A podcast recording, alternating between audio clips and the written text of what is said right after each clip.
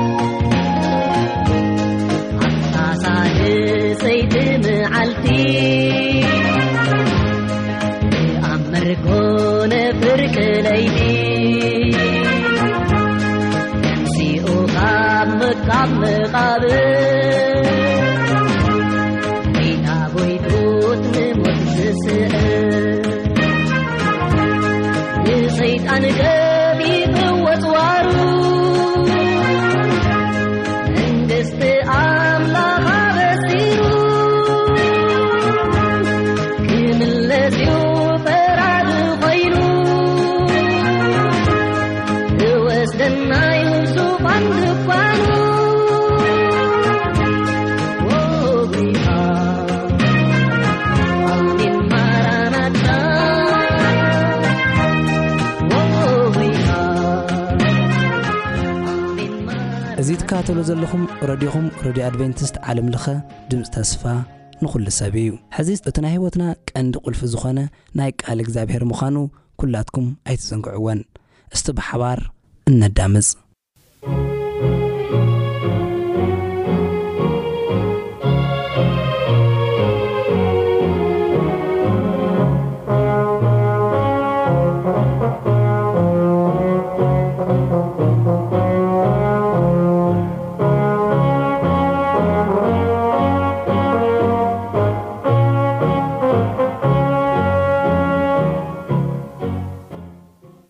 ሰላም ከመይ ጸንሑ ኩቡራት ተኻታተልቲ መደብና ኣብ ናይ ሎሚ ናይ ቃል ግዜና ድማ ብዛዕባ ሳምሶን ኢና ንርኢ ናይ ሳምሶም ሂወት ኣብ ሂወትና ኣብ ከባቢና ኣብ ዓድና ኣብ ሃገርና ዓቢ ትምህርቲ ክህብ ዝኽእል መጽሓፍ እዩ ወይ ድማ ታሪኽ እዩ ሓቀኛ ዝኾነ መጽሓፍ ሓቀኛ ዝኾነ ታሪኽ ብመንፈስ ቅዱስ ምርሒት ዝተጻሕፈ ታሪኽ እዩ እሞ ታሪኽ እዚ ቅድሚ ምርኣይና እግዚኣብሔር ምእንቲ ከምህረና ሕጽር ዝበለ ጸሎት ክንጽሊ ኢና እግዚኣብሔር ኣምላኽና ስለዚ ግዜን ሰዓትን ነመስግነካ ኣለና ሕጂ ድማ ቃልካ ከፊትና ኣለና እሞ ከነስተውዕል ቃልካ ከተምህረና ንልምን ብጎይታና መድሓናን የሱስ ክርስቶስ ስም ኣሜን።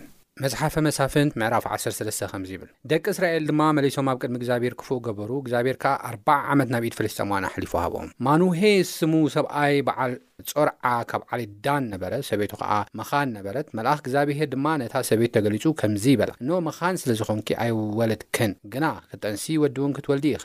እምበኣር ካብ ሕጂ ወይንን ካልእ ዚስክር መስተን ከይትሰትዪ፣ ርኹስ ዝዀነ ዅሉ ኸይትበልዒ ተጠንቀቒ። ምስ ወለድኪ፣ እቲ ቈልዓ ኻብ ዚውለድ ጀሚሩ ናይ እግዚኣብሄር ናዝራዊ ኪኸውን እዩ እሞ፣ ኣብ ልዕሊ ርእሱ መላጻ ኣይሓልፎን። ንሱ ንደቂ እስራኤል ካብ ኢድ ፍልስጥኤማውያን ኬድሕኖም እዩ። ይብለና። እግዚኣብሔር ኣምላኽና ናይ እንደገና ኣምላኽ እዩ ዝብል እዩ ዋና ኣርእስትና። ናይ እንደገና ኣምላኽ እዚ ናይ እንደገና ኣምላኽ እንደገና ዝተዋህበና ዕድል ክንጥቀመሉ እንደገና ዝተዋህበና ዕድል ናኡ ክንቀርብ ክንባረኸሉ እግዚኣብሔር ይደሊ እዩ። ኣብ ህይወትና ብዙሕ ዕድላት እኳ እንተሃበና እዚ ናይ እንደገና ኣምላኽ ንሕና ግን ኣይተጠቀምናሉን፣ እስራኤላውያን ኣይተጠቀሙሉን። መጽሓፍ ቅዱስ ክዛረብ ከሎ ኣብዚ ከድና ኣብ ንርእየሉ እዋን ደቂ እስራኤል ድማ መሊሶም በደሉ ይብለና። እንደገና ዕድል እኳ እንተ ተዋህቦም፣ እንደገና ምሕረት እኳ ተተገብረሎም፣ ካብ ኣዝዩ ኣሰቃቒ ኣርባዕተ ሚእትን ሰላሳን ዓመት ዝኣክል ናይ ግብጺ ባርነት ሰላም እኳ እንተ መጸ፣ ዕረፍቲ እኳ፣ በረኸት እኳ እንተ መጸ፣ እንተ በዝሑ እኳ፣ እንተ ሓየሉ እኳ፣ ከተምኦም እንተ ጸበቑ እኳ፣ ነገር ግን ኣብ ክንዲ ናብ እግዚኣብሄር ምምላስ፣ ኣብ ክንዲ ሓጢኣቶም ምሕዳግ፣ ኣብ ክንዲ ኽፍኣቶምን ጥልመቶምን ምሕዳግ፣ መሊሶም ንእግዚኣብሄር በደሉ ይብለና መጽሓፍ ቅዱስ ክዛረበና ኸሎ። እግዚኣብሄር ሓደ ሰብ ክጠፍእ ድሌት የብሉን። ቀጺዑ ግን ክምልሰና እቲ ዋና ዓላምኡ ከኣ ዓይኒ ዘይረኣዮ እዝኒ ዘይሰምዐቶ ኣብ ልቢ ሰብ ዘይተሓስበ ነገር ክንወርስ እዩ ስለዚ እንደገና ክቅጽዑ እንደገና ክመሃሩ እንደገና ዓይኖም ክኽፈት እንደገና ክርድኦም። ንፍልስጤማውያን ኣርብዓ ዓመት ኣሕሊፉ ከም ዝሃቦም ኢና ንርኢ። እግዚኣብሄር ኣሕሊፉ ተሂብካ መን ነጻ ክውጻካ ይኽእል? ሓይልኻ ነጻ የውጻካ፣ ጎረባብቲ ሃገራት ነጻ የውጻኻ። ጥበብካ ነጻ የውጸካ ገንዘብካ ነጻ የውጸካ ሃብትካ ነጻ የውጸካ ምንም ነጻ ከውጸካ ኣይክእልን ኢዩ ሓንሳብ እግዚኣብሄር ሕሊፉ ተይ ደኣ ሂብካ ሕይ ሂብካ ኢዩ ባዕሉ ኢዩ ምድሓን ካብኡ ኢዩ ፈውሲ ካብኡ ኢዩ ምሕረት ካብኡ ኢዩ ዝመጽእ ሳምሶም ንክውለድ ዝገብር እግዚኣብሄር ጥራሕ ኢዩ መድሕን እስራኤል ኣብቲ ግዜ ምርኮን ኣብቲ ግዜ ጥፍኣትን ዝከውን ሳምሶን ዝውለድ ዝህቦ እግዚኣብሄር ጥራሕ ኢዩ ማንም ክህብ ኣይክእልን ማንም ምድሓን ከምጽእ ኣይክእልን ብዘይካ እግዚኣብሄር። ነዚ እዩ ተስፋና ኣብ ነገስታት ዘይኮነስ ተስፋና ኣብ እግዝኣብሄር ክንገብር ናብኡ ክንቀርብ ሓጢኣትና ክንሓድግ መሬትና ምእንቲ ክፍወስ ዝተሰደዱ ህዝብና ምእንቲ ናብ መሬት ቤቶም ክምለሱ ናይ እግዝኣብሄር ናይ ተስፋ ቃል ኣባና ክፍጸም ናብ እግዝኣብሄር ክንቀርብ ዘለና ብሓቅን ብመንፈስን ናብ እግዝኣብሄር ክንቀርብ ከምዘለና ዝነግረና ማለት እዩ ቃል ኣለዎ እግዝኣብሄር ንህዝቡ ዝሃቦ ናይ ተስፋ ቃል ኣለዎ ካልኣይ ዜና መዋዕል ምዕራፍ ሸውዓተ ፍቅዲ ዓሰርተ ኣርባዕተ እንታይ እዩ ዝብል እቲ ብሰመይ እተጸውዐ ህዝበይ እንታይ ማለት እዩ እዚ ክርስትያን ማለት እኮ ክርስቶሳውያን ማለት ንክርስቶስ ዝስዕቡ ማለት ውሉድ ኣምላኽ ዝኾኑ ማለት ካልእ ምንም ትርጉም የብሉን ብስም እግዚኣብሄር እተጸውዑ ክርስትያን ማለት ብሽም እግዚኣብሄር እተጸውዑ እዮም ስለዚ እግዚኣብሄር እንታይ እዩ ዝብል ኣብዚ እቲ ብሽመይ ትጸውዐ ህዝበይ እዚ ብስመይ እተሰምየ ህዝበይ ከኣ ርእሶም ኣዋሪዶም እንተለመኑ ገጸይ እንተ ደለዩ፣ ካብ ክፉእ መንገዶም ድማ እንተ ተመልሱ፣ ሽዑ ኣነ ኻብ ሰማይ ክሰምዕ እየ፣ ሓጢኣቶም ከኣ ይቕረ ኽብለሎም እየ፣ ምድሮም ከኣ ኽፍውስ እየ። ሕዚውን ኣብዛ ቦታ እዚኣ ንዝጽለ ጸሎት ኣዒንተይ ኪኽፈታ እየን፣ ኣእዛነይውን ጽን ኪብላ እየን ይብለን። እዚ ተዋሂቡ እዩ ካብ እግዚኣብሄር እዚ ተስፋ ቃል እዚ። ስለዚ እዚ ተስፋ ቃል እዚ ሒዝና ገጽ እግዚኣብሄር ኢና ክንደሊ ዘለና። ንስሃ ኢና ክንኣቱ ዘለና። ናብ እግዚኣብሄር ክንቀርብ እዩ ዘለና። ኣርብዓ ዓመት ግን እስራኤላውያን ኣብ ከምዚ ዓይነት መሪር ምርኮ እናሃለዉ፣ ኣብ ከምዚ ዓይነት መሪር ዝኾነ ፈተና እናሃለዉ ግን ናብ እግዚኣብሄር ገጽ ክደልዩ ይከኣሉ። ነዚ እዩ ግዜ መከራኣቶም፣ ግዜ ሽግሮም ንኣርብዓ ዓመት ክነውሕ ዝኸኣለ። ነገር ግን እቲ ብምሕረት ሃብታም ዝኾነ ጎይታ፣ ብምሕረቱ ሳምሶም ክውለድ ከም ዝገበረ፣ ብምሕረቱ ምድሓን ንእስራኤል ከምጽእ ከም ዝጀመረ ኢና እንርኢ ማለት እዩ። ምሕረት እግዚኣብሄር ምሳና እንተዘይህሉ፣ ለውሃት እግዚኣብሔር ፍቕሪ እግዚኣብሔር ምሳና እንተ ዘይህሉ ይብል መጽሓፍ ቅዱስ ኣብ መዝሙር ምዕራፍ ሚእትን ዕስራን ኣርባዕተን ምጠፋእና ጸላእትና ኣባና ተላዒሎም ምውሓጡና ምጠፋእና ማያት ብልዕሌና ምስ ሓለፋ እውን ተዋሒጥና ምስ ተረፍና እዩ ካብ እግዚኣብሔር ዝተላዕለ ግን ካብ ፍቕሩ ካብ ምሕረቱ ካብ ርህራኤ ዝተላዕለ ግን ደው ኢልና ኣለና እግዚኣብሔር ይመስገን ብዝኾነ ክንቅጽል ከልና ሳምሶም ተወሊዱ ነዞም ባርነት መሪርዎም ሽግር መሪርዎም ምርኮ መሪርዎም ዝነበረ እስራኤላውያን ንኸድሕን ሳምሶም ተወሊዱ። ሽዑ እታ ሰበይቲ፣ ሰበይቲ ማኑሄ፣ ኣደ ሳምሶም ማለት እዩ፣ ንሰብኣያ ከይዳ ናይ እግዚኣብሄር ሰብ ናባይ መጸ፣ ትርኢቱ ከም ትርኢት መልኣኽ እግዚኣብሄር እዩ፣ የመና ዘፍርሕ እዩ፣ ካበይ ከም ዝዀነ ኣይጠየቅክዎን፣ ንሱስ እማ ኣይነገረንን፣ ግናኸ ኽትጠንሲ ወዲ እውን ክትወልዲ ኢኺ፣ እቲ ቈልዓ ኸኣ ካብ ጽነስ ጀሚሩ ክሳዕ ዕለተ ሞቱ ናይ እግዚኣብሄር ናዝራዊ ክኸውን እዩ፣ ኢሉ ከም ተዛረባ ኢና ንርኢ። እሞ ወይንን ካልእ ዘስክር መስተን ኣይትስተይ፣ ርኹስ ዝኾነውን ኣይትብልዒ ኢሉ ኢላ ነገረቶ ንሰብኣያ ንማኑሄ። ማኑሄ ድማ እግዚኣብሄር፣ ኦ ጐይታ፣ እቲ ዝለኣኽካዮ ናይ እግዚኣብሄር ሰብ፣ እቲ ዝውለድ ቈልዓ ኸመይ ጌርና ኸም እነዕብዮ ኽነግረናስ፣ በይዛኻ መሊሱ ይምጽኣና ኢሉ ለመነ ይብለና። ሕጂ ኣብዚ መወዳእታ ዘሎ ማሕበረሰብ፣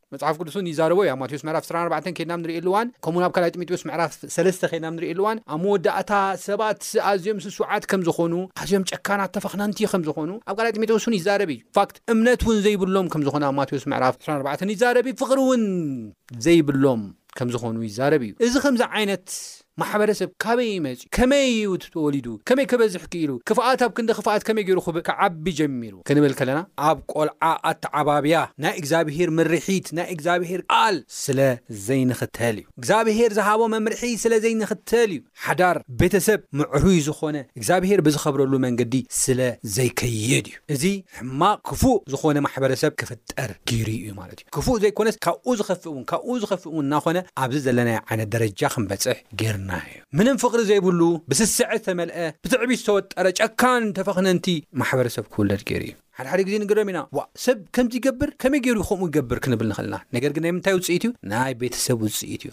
ስድራ እግዝኣብሄር በቲ ዝሃቦ መምርሒ ደቆም ክዕብዩ እንትግባእ ኣብ ናይ ገዛእ ርእሶም ጥቕምን ኣብ ናይ ገዛእ ርእሶም መልክዕን ኣብ ናይ ገዛእ ርእሶም ሸበድበድን ብምትኳር ነቲ ቆልዓ ናብ ስዲ ወይ ድማ ናብ ጭካነ ወይ ድማ ካብ እግዝኣብሄር ሪሒቑ ንክኸይድ ናይ ሃይማኖት መልክዕ ሃልይዎ ነገር ግን ሓይሉ ግን ዝኸሓደ ማሕበረሰብ ንክፍጠር ገይሩ እዩ ማለት እዩ። ማኑሄ ግን ከምዚ ኣይነበረን። ማኑሄ ካብ እግዝኣቢሄር ዝተዋህበ ውሉድ እዩ ዝዋሃብ ውሉድ እዩ ስለዚ ኣነ እዚ ውህብተይ እዚ ብናትካ መምርሒ ብናትካ ፍቃድ እየ ክዕብዮ ዝደሊ ስለዚ መምርሒካ ሃበኒ ኢሉ ንእግዝኣቢሄር ከም ዝለመነ ኢና ንርኢ እግዝኣቢሄር ከኣ እሙን ስለ ዝኮነ እንደገና እቲ መምርሒ ንማኑሄ ወዱ ከመይ ጌሩ ክዕብዮ ከም ዘለዎ ከም ዝተነግሮ ኢና ንርኢ ከመይ ጌሩ ይዕብዮ ተባሂሉ ንረ እቲ መልኣክ እግዝኣቢሄር መሊሱ መጸ ሰብኣያ ማኑ ሄግና ምሳኣ ኣይነበረን፣ እታ ሰበይቲ ድማ ብጎይያ ናብ ሰብኣያ ከደት። እቲ ሓደ መዓልቲ መጺኡ ዝነበረ ሰብኣይ እንሆ ተገሊጽለይ ኢላ ነገረቶ። ማኑኤ ከኣ ተሲኡ ደድሕሪ ሰበይቱ ከደ። ናብ ሰብኣይ መጺኡ ድማ ነዛ ሰበይቲ ዝተዛረብካያ ንስኻ ዲኻ በሎ። ንሱ ከኣ እወ ኣነየ በሎ። ማኑሄ ድማ እዚ ቃልካ ምስ ተፈጸመ ስርዓት እቲ ቆልዓ እንታይ እዩ? እንገብረሉኸ እንታይ እዩ? ኢሉ ጠየቖ። እቲ መልኣኽ እግዚኣብሄር ድማ ንማኑሄ እታ ሰበይቲ ካብቲ ኩሉ ዝነገርክዋ ትጠንቀቕ፣ ካብ ወይንን ካብ ዘስክር መስተን ትጠንቀቕ፣ ካብ ወይኒ ካብ ዝርከብ ኩሉ ኣይትብላዕን ወይንን ካልእ ዘስክር መስተን ኣይትስተ፣ ኩሉ ኣይትስተ፣ ዘስክር መስተ ኣይትስተ እዩ ተባሂሉ። ዘስክር መስተ ስተ ዝብል ኣብ መጽሓፍ ቁዱስ የለን ከም መድሃኒት ይጥቀሙሉ ኔሮም ንከብዲ ሕማም ከኣ ልክዕ ከምዚ ከለና ንወስቶ ከምኡ ኢልካ ጠዓም ንከብዲ ሕማም ከም መድሃኒት ጌርካ ትወስቶ ተደሊካ ኢሉ ጳውሎስ ንጢሞቴዎስ ዝመከሮ ነገር ኣሎ ነገር ግን ካብኡ ወጻኢ ዘስክር መስተ ስተ ግን ኣይትስከር ዝብል ግን የለን እዚ ናይ ሰብ ኣተሓሳስባ እዩ ዘስክር መስተ ኣብቲ ህጻን ወይ ድማ ኣብቲ ቆልዓ ብፍላይ ድማ ኣንስቲ ጉድኣት ኣብ ኣእምርኡ ጉድኣት ኣብ ልቡ ጉድኣት ኣብ ሰውነቱ ኣብ ጥዕንኡ ጉድኣት ስለ ዘብጽሕ ዘስክር መስተ ኣይትስተ ኢሉ ገና ቅድሚ ልደተ ክርስቶስ ቅድሚ ሽሓት ዓመት ዝተዘርበ ቃል ከም ዝኾነ ኢና ንርኢ። ሕጂ ሳይንስ ዝበጽሖ ዘሎ ኣረፋፊዱ ክንደይ ሰብ ምስ ሃለቐ፣ ዘስክር መስተ ከም ባህሊ ኣብ ዝተቖጽረሉ እዋን ሽዑ ከምዚ ከምዚ ክብል ዝጀመረ። ነገር ግን ቀዲሙ እግዚኣብሄር ዘስክር መስተ ክንሰቲ ፍቓዱ እውን ከም ዘይኮነ ዘርእየና ማለት እዩ። ይቕጽል ንዓ ጥራሕ ግን ኣይኮነን ዘስክር መስተን ከኣ ኣይትስተ ኩሉ ርኹስ ኣይትብላዕ ኩሉ ትእዛዝ እኳ ድማ ትሓሉ በሎ። ማኑሄ ድማ እቲ መልኣኽ እግዚኣብሄር ምሳ ኣዳሊና ክነቕርበልካስ በይዛኻ ጽናሕ በሎ። እቲ መልኣኽ እግዚኣብሄር ድማ ንማኑሄ እንተ ጽናሕኩ ምግብኻ ኣይበልዕን እየ። ዚቃጸል መስዋእቲ ኽትገብር እንተ ደሌኻ ድማ፣ ንእግዚኣብሄር ኣቕርበሉ በሎ።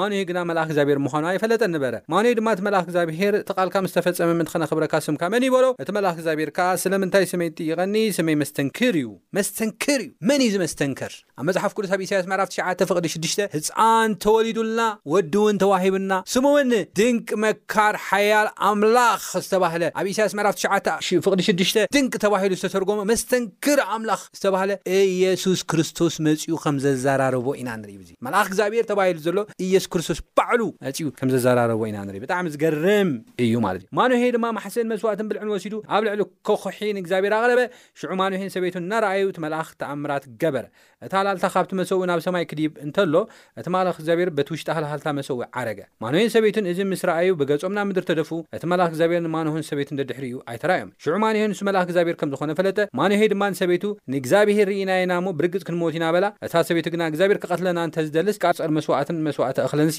ካብ ኢድና ኣይምተቐበለን፣ እዚ ኹሉ ኣይመርኣየናን፣ ከምዚ ዝበለ ነገር ድማ በዚ ግዜ እዚ ኣይሰማዕናን በለቶ። እታ ሰበይቱ ወለደት ሳምሶም ኢላ ኸኣ ሰመየቶ። እቲ ቆልዓ ድማ ዓበየ፣ እግዚኣብሄር ባረኾ፣ ኣብ ሰፈር ዳን ኣብ መንጎ ጾርዓን ኤሽትዓልን እንተሎ ድማ መንፈስ እግዚኣብሄር ከነቓቕሖ ጀመረ ይብለና። ሕጂ እቲ ቆልዓ ብናይ እግዚኣብሄር መምርሒ እዩ ዝዓቢ ዘሎ። ቃል እግዚኣብሄር እናተማህረ፣ ኣቡኡን ኣዲኡን እናኽበረ፣ እናሰርሐ፣ እግዚኣብሄር በቲ ዝሃቦ ኣብ መጽሓፍ ቅዱስ ዝሃቦ መምርሒ ከመይ ጌርና ደቅና ከነዕቢ ኣለና ብዝብል መምርሒ ይዓቢ ስለ ዝነበረ፣ መንፈስ እግዚኣብሄር ድማ ኣብኡ ኸም ዝነበረ፣ መንፈስ እግዚኣብሄር ድማ የነቓቕሖ ኸም ዝነበረ፣ የብርትዖ ኸም ዝነበረ፣ ንኻልኦት ሰባት ንበረኸት ክኸውን ይገብሮ ኸም ዝነበረ ኢና ንርኢ። ምኽንያቱ ምስ መንፈስ እግዚኣብሄር ዝተሰማምዐ ህይወት እዩ ዝነብር ነይሩ። ሳምሶም ድማ ናብ ተምና ወረደ። ኣብ ተምና ኸኣ ኣብ ኣጓላት ፍልስጥኤማውያን ሓንቲ ጓል ረኣየ፣ ተመሊሱ ድማ ነቦኡን ነዲኡን፣ ኣብ ተምና ሓንቲ ፍልስጥኤማውያን ጓል ርእየ ኣለኹ እሞ፣ ሕጂ ንዓኣ ኣመርዕዉኒ ኢሉ ነገሮም ይብለና። ሕጂ ከይዱ ነቡኡን ነዲኡን ምንጋሩ ከመይ ዓይነት ኣኽብሮት ነቡኡን ነዲኡን ከም ዝነበሮ፣ ከመይ ዓይነት ኣተዓባብያ ከም ዝዓበየ፣ ከመይ ዓይነት ክብሪ ከም ዝነበሮ ዘርኢ እዩ። ኣተዓባብያ ቆልዑት ዋና ትኹረት ክንገብረሉ ዘለና ነገር እዩ። ቀጻሊ ትውልዲ፣ ንእግዚኣብሄር ዝፈርሕ ትውልዲ ክህሉ ምእንቲ ኣብ ኣተዓባብያ ቆልዑት ትኹረት ክግበር ከም ዘለዎ ዘገንዝብ እዩ። ምናልባት ንሕና ኣብ ዝቕጽል መደባትና ከም ፍቓድ ኣምላኽ ከነቕርብ ክንፍትን ኢና። ብዝኾነ ግን ብጽቡቕ ኣተዓባብያ ከም ዝዓበየ፣ እግዚኣብሄር ዝፈርሕ ኰይኑ ከም ዝዓበየ፣ ነቦኡን ነዲኡን ዘኽብር ኰይኑ ከም ዝዓበየ ሳምሶን ይነግረና ኢለ። ምኽንያቱ ሓንቲ ጓል ኣፍቂሩ ነቦኡን ነዲኡን እዩ ኣፍቂዱ። ክምርዐዋዶ ኣይክምርዐዋን? ኢሉ ዝሓተተ ነቦኡን ነዲኡን እዩ። ኣቦኡን ኣኖኡን ከኣ ካብቶም ዘይት ግዙራት ፍልስጥኤማውያን ሰበይቲ ክትእቱስ እንተ ዄንስ ኣብ ኣዝማድካን ኣብ ዝባንዶ ጓል ስኢንካ ኢኻ በልዎ። ሳምሶም ከኣ ነቦኡ ብዓይነ ባሂላ ትኔኣሞ ንኣ ደኣ ኣምጽኡለይ በሎ። ኣቦኡን ኣኖኡን ግና እግዚኣብሄር ምስ ፍልስጥኤማውያን ክዋጋእ ምኽንያት ይደሊ ነበረ እሞ፣ እዚ ኻብኡ ከም ዝዀነ ኣይፈለጡን ነበሩ፣ ካብ እግዚኣብሄር ከም ዝዀነ ኣይፈለጡን። በታ ግዜ እቲኣ ኸኣ ፍልስጥኤማውያን እስራኤል ይገዝእዎም ነበሩ። ሽዑኡ፣ ሳምሶም ኣቦኡን እንኡን ካብ ተምና ወረዱ፣ ናብታ ኣብ ተምና ዘላ ተኽልቲ ወይኒ ምስ በጽሐ ድማ፣ ሽደን ኣንበሳ እናጓዘመ መጾ፣ መንፈስ እግዚኣብሄር ከኣ ኣብኡ ወረደ፣ ካብ ኢዱ ዝዀነ መሳርሒ እንተ ይሓዘ፣ ንማሕስእ ከም ዘሰላልዖ ሰላልዖ። ነቲ ዝገበሮ ነቦኡ ዀነ ነንኡ ኣይነገሮን፣ ወሪዱ ድማ ነታ ጓል ተዛረባ። የመና'ውን ባህ ኣበለቶ። ድሕሪ ቁሩብ መዓልቲ ከኣ ክምርዐዋ ተመለሰ። እቲ ገምቢ ኣንበሳ ክርኢ ከሎ ኣግለሰ። እኖ ድማ ኣብቲ ገምቢ ኣንበሳ ዕስለ ንህቢን መዓርን ነበረ። ብኣእዳዉ ወሲዱ ከኣ ፈቐዶ መንገዲ እናበልዐ ከደ። መጺኡ ድማ ነቦን ነንኡን መዓር ሃቦም። ንሳቶም በልዑ። እቲ መዓር ካብ ገምቢ ኣንበሳ ከም ዝወሰዶ ግና ኣይነገሮምን። ኣቡኡ ድማ እታ ጓል ክሪኣ ወረደ። እቶም መናእሰይ ከምኡ ይገብሩ ነበሩ እሞ፣ ሳምሶም ኣኡ ድግስ ደገሰ። ምስ ረኣይዎ ድማ ምስኡ ዝኾኑ ሰላሳ ኣዕሩኽቲ ኣምጽእሉ። ሳምሶም ከኣ ንኣኣቶም እንቅድሒት ክነግረኩም እየ ኢሉ በዘን ሸውዓተ መዓልቲ ናይዘን ድግስ ትርጉሙ ገሊጽኩም እንተ ነጊርኩምኒ፣ ሰላሳ ሃሪ ቀሚሽን ሰላሳ ቅያር ክዳንን ክህበኩም እየ። ክትነግሩኒ ተዘይኪኢልኩም ግና ንስኻትኩም ንኣይ ሰላሳ ሃረ ቀሚሸን ሰላሳ ቀያር ክዳንን ክትህቡኒ ኢኹም በሎም። ንሳቶም ከኣ ክንሰምዖስ ነቲ ሕንቅልሕንቅሊተይ ንገረና በልዎ። ሽዑ ንሱ ካብቲ በላዒ መብልዕ ካብቲ ሓያል ድማ ጥዑም ወጸ በሎም። ንሳቶም ከኣ እቲ ሕንቅልሒሊተይ ብሰለስተ መዓልቲ ክነግርዎ ኣይከኣሉን። ብራብዐይቲ መዓልቲ ከኣ ንሰበይቲ ሳምሶም ንሰብኣይኪ ትርጉም እቲ ሕንቅልሕንቅሊተይ ክነግረና ሓባብልዮ። እንተዘይኮነስ ንኣኺን ንስድራ ኣቦኽን ብሓዊ ከነቃጽለኩም ኢና። ክትገፉና ዲኹም ዝጸዋዕኹምና? በልዋ። ሽዑ ሰበይቲ ሳምሶም ትጸልኣኒ ኢኻ፣ ንህዝበይ ዝነገርካዮም ሕንቅልሕንቅሊተይ ንኣይ ትርጉም ኣይገለጽካለይን ኢኻ እሞ ኣይትፈትወንን ኢኻ እናበለት ኣብ ቅድሚኡ ትበኪ ነበረት። ንሱ ድማ ንኣኣ እንሆ ነቦይን ነነወይን እኳ ዘይገለጽኩሎምሲ ንኣኺዶ ክገልጸልኪ'የ በላ። ንሳ ኸኣ በተን ሸውዓተ መዓልቲ ድግሶም ኣብ ቅድሚኡ ኮይና በኸየት። ንሳ ስለ ዘጨነቐቶ በታ ሸውዐይቲ መዓልቲ ትርጉሙ ገለጸላ። ንሳ ድማ ትርጉም እቲ ሕንቅልሕንቅሊተይ ንደቂ ዓዳ ገለጸትሎም። እቶም ደቂ እታ ከተማ ኸኣ፣ በታ ሸውዒት መዓልቲ ጸሓይ እንተ ዓረበት፣ ካብ መዓር ዚጥዕምስ እንታይ ኣሎ? ካብ ኣንበሳ ዚሕይልከ መን ኣሎ? ኢሎም መለሱሉ። ሳምሶም ድማ፣ እምበኣርሓይ እንተ ዘይተሓርሱስ፣ ነዛ ሕንቅልሕቲ እዚኣ ኣይምፈለጥኩማን ኔርኩም፣ በሎም። መንፈስ እግዚኣብሄር ከኣ ናብ ሳምሶም መጸ፣ ኣብ ኣስቃሎና ወሪዱ ድማ፣ ካብቶም ሰላሳ ሰባት ቀተለ። ንኣኣቶም ገፊፉ ድማ፣ ነቶም ትርጕም ሕንቅልሕቲ ዚገለጹሉ እቲ ቕያር ክዳውንቲ ሃቦም። በዙይ ከርዩ ናብ እንዳ ኣቦኡ ኸደ። እታ ሰበይቲ ሳምሶም ከኣ፣ ነቲ ኻብቶም ዝተሓባበሩ ኣዕሩኽቱ ንሓዲኦም ኰነት፣ እታ ሰበይቲ ሳምሶም ከኣ ነቲ ኻብቶም ዝተሓባበሩ ኣዕሩኽቱ ንሓዲኦም ኰነት ይብለና ማለት እዩ። ሕጂ ኣብዚ ክንሪኦ ዘለና ነገር ኣሎ። እቲ ክንሪኦ ዘለና ነገር እንታይ እዩ ተይዳ ኢልና እቲ ቀዳማይ፣ እግዚኣብሄር ካብ ዘይፈቐዶ መንገዲ ሓዳር ምግባር ኣገዳሲ ኣይኮነን። እግዚኣብሄር ንእስራኤላውያን ካብ ኣህዛብ፣ ካብ ደቂ ዓዶም ዘይኮና፣ ክምርዐዉ ኣይፈቐደን። ነገር ግን ሳምሶም እዚ ዓይነት ናይ እግዚኣብሄር ትእዛዝ ጥሒሱ ብምኻዱ ከምዚ ዓይነት ሽግር ከም ዝገጠሞ፣ ኣብ ፈተና ከም ዝኣተወ፣ ኢና ርኢና። እዚ ቀዳማይ ፈተና እዩ። ኣብ ዝቐጽል ፈተና ግን ኬድና ኣብ ነንብበሉ እዋን ዓቢ ፈተና፣ ህይወቱ ክሳብ ምሕላፍ፣ ኣዒንቱ ክሳብ ምጥፋእ ከም ዝበጽሕ ኢና ንርኢ። እዚ ሓዳር ኣብ ምምራጽ፣ መርዓ ኣብ ምምራጽ፣ ብኣእምሮኻ ዘይምሕሳብ፣ ቃል እግዚኣብሄር ርኢኻ ከም ፍቓድ እግዚኣብሄር ዘይምኻድ ዘይኮንስ ስምዒትካ ምኽታል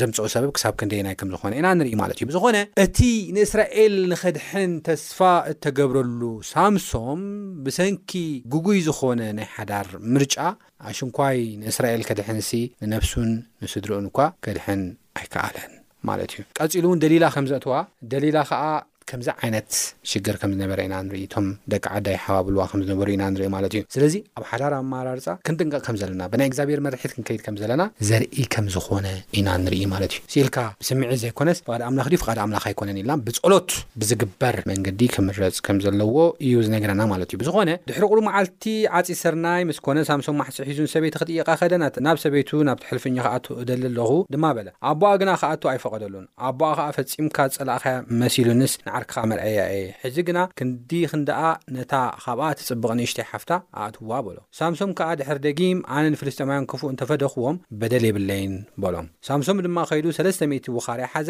ከክልተ ውኻርያ ገይሩ ኸኣ ጭራ ጭራ ምስ ጭራ ኣተሓሒዙ ኣሰረን፣ ኣብ ማእከለን ኣብ መንጎ ጭረኣን ድማ ሓደ ሽግ ገበረለን፣ ነቲ ሽጋት ብሓዊ ኣቃጺሉ ኸኣ ናብ ማእከል ዝርኡ ፍልስጥኤማውያን ሰደደን። ኵልስሳተን ዘይዕጹድ እኽልን ኣታኽልትን ወይንን ኣውሊዒን ከኣ ነደደ። ሽዑ ፍልስጥኤማውያን እዚ ዝገበረ መን እዩ? ኢሎም ጠየቑ። እቲ ቲምናታዊ ሰብኣይ፣ ሰበይቱ ወሲዱ ንዓርኩ ስለ ዝሃቦ፣ ሳምሶም ሰብኣይ ጓሉ እዩ፣ ኢሎም መለሱሎም። እቶም ፍልስጥኤማውያን ድማ ደይቦም ንኣኣን ነቦኣን ብሓዊ ኣቃጸልዎም። እቶም ፍልስጥኤማውያን ድማ ደይቦም ንኣኣን ነቦኣን ብሓዊ ኣቃጸልዎም። ነታ ሰበይቲ መጀመርያ ኣእትይዋ ዝነበረ ማለት እዩ። ሳምሶም ከኣ እምበኣር እዚ ካብ ገበርኩም ኣነ ኸኣ ገና ኣጸቢቐ እንት ሕነ እንተ ደይፈደኹ ኣይሓድገኩምን እየ በሎም። ብጭከና ወቕዑ ኸኣ ወድኦም። ወሪዱ ድማ ኣብ በዓቲ ኸውሒ ዒጣም ተቐመጠ። ሽዑ ፍልስጥኤማውያን ደይቦም ኣብ ይሁዳ ሰፈሩ፣ ንሌሒ ኸኣ ወረሩዋ፣ ሰብ ይሁዳ ኸኣ ስለምንታይ ክትዋግኡና ናባና ደይብኩም በልዎ። ንሳቶም ከኣ ንሳምሶም ክንኣስሮ፣ ከምቲ ዝገበረና ድማ ክንገብሮ ኢና ዝደየብና በልዎ። ሽዑ ኻብ ይሁዳ ሰለስተ ሽሕ ሰባት ናብ በዓቲ ኾዅሒ ኤጣም ወረዱ፣ ንሳምሶም ከኣ፣ ፍልስጥኤማውያን ከም ዚገዝኡናዶ ኣይትፈልጥን ኢኻ? እዚ ዝገበርካና ደኣ እንታይ እዩ? በልዎ። ንሱ ኸኣ፣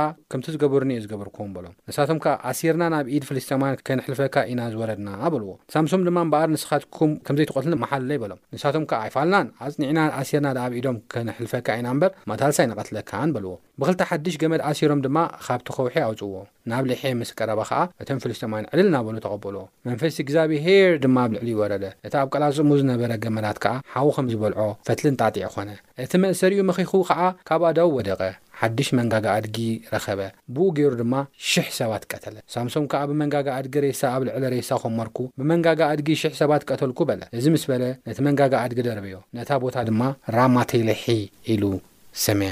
ሳምሶም ከኣ የመና ጻምእ እሞ እዚ ዓቢ ምድሓን እዚስ ንባርያኻ ሃብካ እዚ ከኣ ብጽመማይ ክመውት ኣብ ኢድ እቶም ግዙራትን ክወድቕ እየ ኢሉ ናብ እግዝኣብሄር ለመነ ሽዑ እግዝኣብሄር ነታ ኣብ ሊሒዝ ነበረት ዓሚዩቕ በታ ሰንጠቓ ካብኡ ድማ ማይ ወጸ ምስ ሰተየ ድማ ሓይል ተመልሶሞ ሓወይ ስለዚ ድማ ስም ዓይን ሃቆሬ ኢሉ ሰምያ ንሳ ከኣ ሎሚ ኣብ ሊሒ ኣላ የብላና ስለዚ እግዝኣብሄር ምኽንያት ደልዩ እዩ ነታ ሰበይቲ ክምርዓዋ ገይሩ፣ በዚ ምኽንያት ከኣ ነቶም ንፍልስጥኤም ዝገዝኡ፣ ባርያ ዝገበሩ፣ ዘሸገሩ ሰባት ብእኡ ገይሩ ድማ ከም ከም ኣነ ከም ዝፈደየሎም ኢና ንርኢ ብሳምሶም ገይሩ ማለት እዩ እሞ በቲ በለ በቲ ዋና ነገሩ እንታይ እዩ ክንብል ከለና ሳምሶም እንደገና እዚ ዓይነት ስሕተት ምስ ደላ ምስ ፈጸመ ደላ ክልተ ዓይኑ ከም ዘወጽኣቶ ኢና ንርኢ ርግጽ እዩ ዓይኑ እናሃለወ ካብ ካብ ዝቐተሎም፣ ዓይኑ ምስ ጠፍአ ዝቐተሎም ሰባት ኣዝዮም ብዙሓት እዮም። ካብኡ ንላዕሊ እዩ ቀቲሉ፣ ዓይኑ ምስ ጠፍአ። ነገር ግን ክዛረቦ ዝደሊ ሓደ ነገር ተሃለወ እንታይ እዩ፣ እዚ ኹሉ ዘይምእዛዝ፣ እዚ ኹሉ ልበደንዳናነት፣ እዚ ኹሉ ብመንፈስ እግዚኣብሄር ዘይምምራሕ ዘምጽኦ መዘዝ ንሳምሶም ኣብ ከምዚ ዓይነት ሽግር እኳ እንተ ኣውደቖ፣ መጽሓፍ ቅዱስ ክዛረበና ከሎ፣ ደሊላ ጸጉሪ እያ ላጽያቶ ነይራ፣ ሓይሉ ኣብ ጸጉሪ ምዃኑ ፈሊጣ ጸጉሪ እያ ላጽያቶ ነይራ። ደሓር ግን መጽሓፍ ቅዱስ ክዛረበና ከሎ ናይ ሳምሶም ጸጉሪ ክበቁል ከም ዝጀመረ ኢና ንርኢ። ጸጉሪ ሳምሶም ምብቃል ምሕረት እግዛብሄር እዩ ዘርእየና። ምንም እኳ ሓጢኣት እንተገበርና፣ ምንም እኳ ካብ እግዛብሄር እንተራሓቕና፣ ምንም እኳ ብፍቓድ ልብና እኳ እንተተመላለስና፣ ናይ እግዛብሄር ምሕረት ግን ልክዕ ጸጉርና ከም ዝበቁል፣ ምሕረት እግዛብሄር ድማ ኣብ ህይወትና ከም ዝበቁል፣ ምሕረት እግዛብሄር ድማ ኣብ ህይወትና ከም ዝበዝሕ እዩ ዝነግረና። በቲ በለ በቲ ግን ናብ እግዛብሄር ንመለስ፣ ብመንፈስ እግዛብሄር ንመራሕ፣ ከም ፍቓድ እግዛብሄር ንንበር። በዚ መልክዕ እዚ ድማ እግዛብሄር ምድሓኑ ንህዝቡን ንዓናን ንቤትናን ንኣከባቢናን ምድሓነን ፈውስን ከምጽእ እዩ። ምድሓን ካብ እግዛብሄር እዩ ፈውሲ ካብ እግዛብሄር እዩ ምብጻሕ ካብ እግዛብሄር እዩ ብዘይ እግዛብሄር ዘድሕን ብዘይ እግዛብሄር ዝብጆ ማንም የለን ስለዚ እቲ ዘድሕን እግዛብሄር እዩ እቲ ዝፍውስ እግዛብሄር እዩ እቲ ንብረትናን ርስናን ዝመልስ እግዛብሄር እዩ እቲ ህጻውንትና ደቅና ዝባርኽ እግዛብሄር እዩ እሞ ናብ እግዛብሄር ንመለስ ናብኡ ድማ ንቕረብ እዚ ክንገብር ከም ፍቓዱ ድማ ክንማላለስ እግዛብሄር ጸጉኡ የብዛሓልና ኣብ ዝቕጽል ብኻልእ ክሳብ ንራኸብ ሰላም ኩኑ ጎይታ ይባርኽኩም።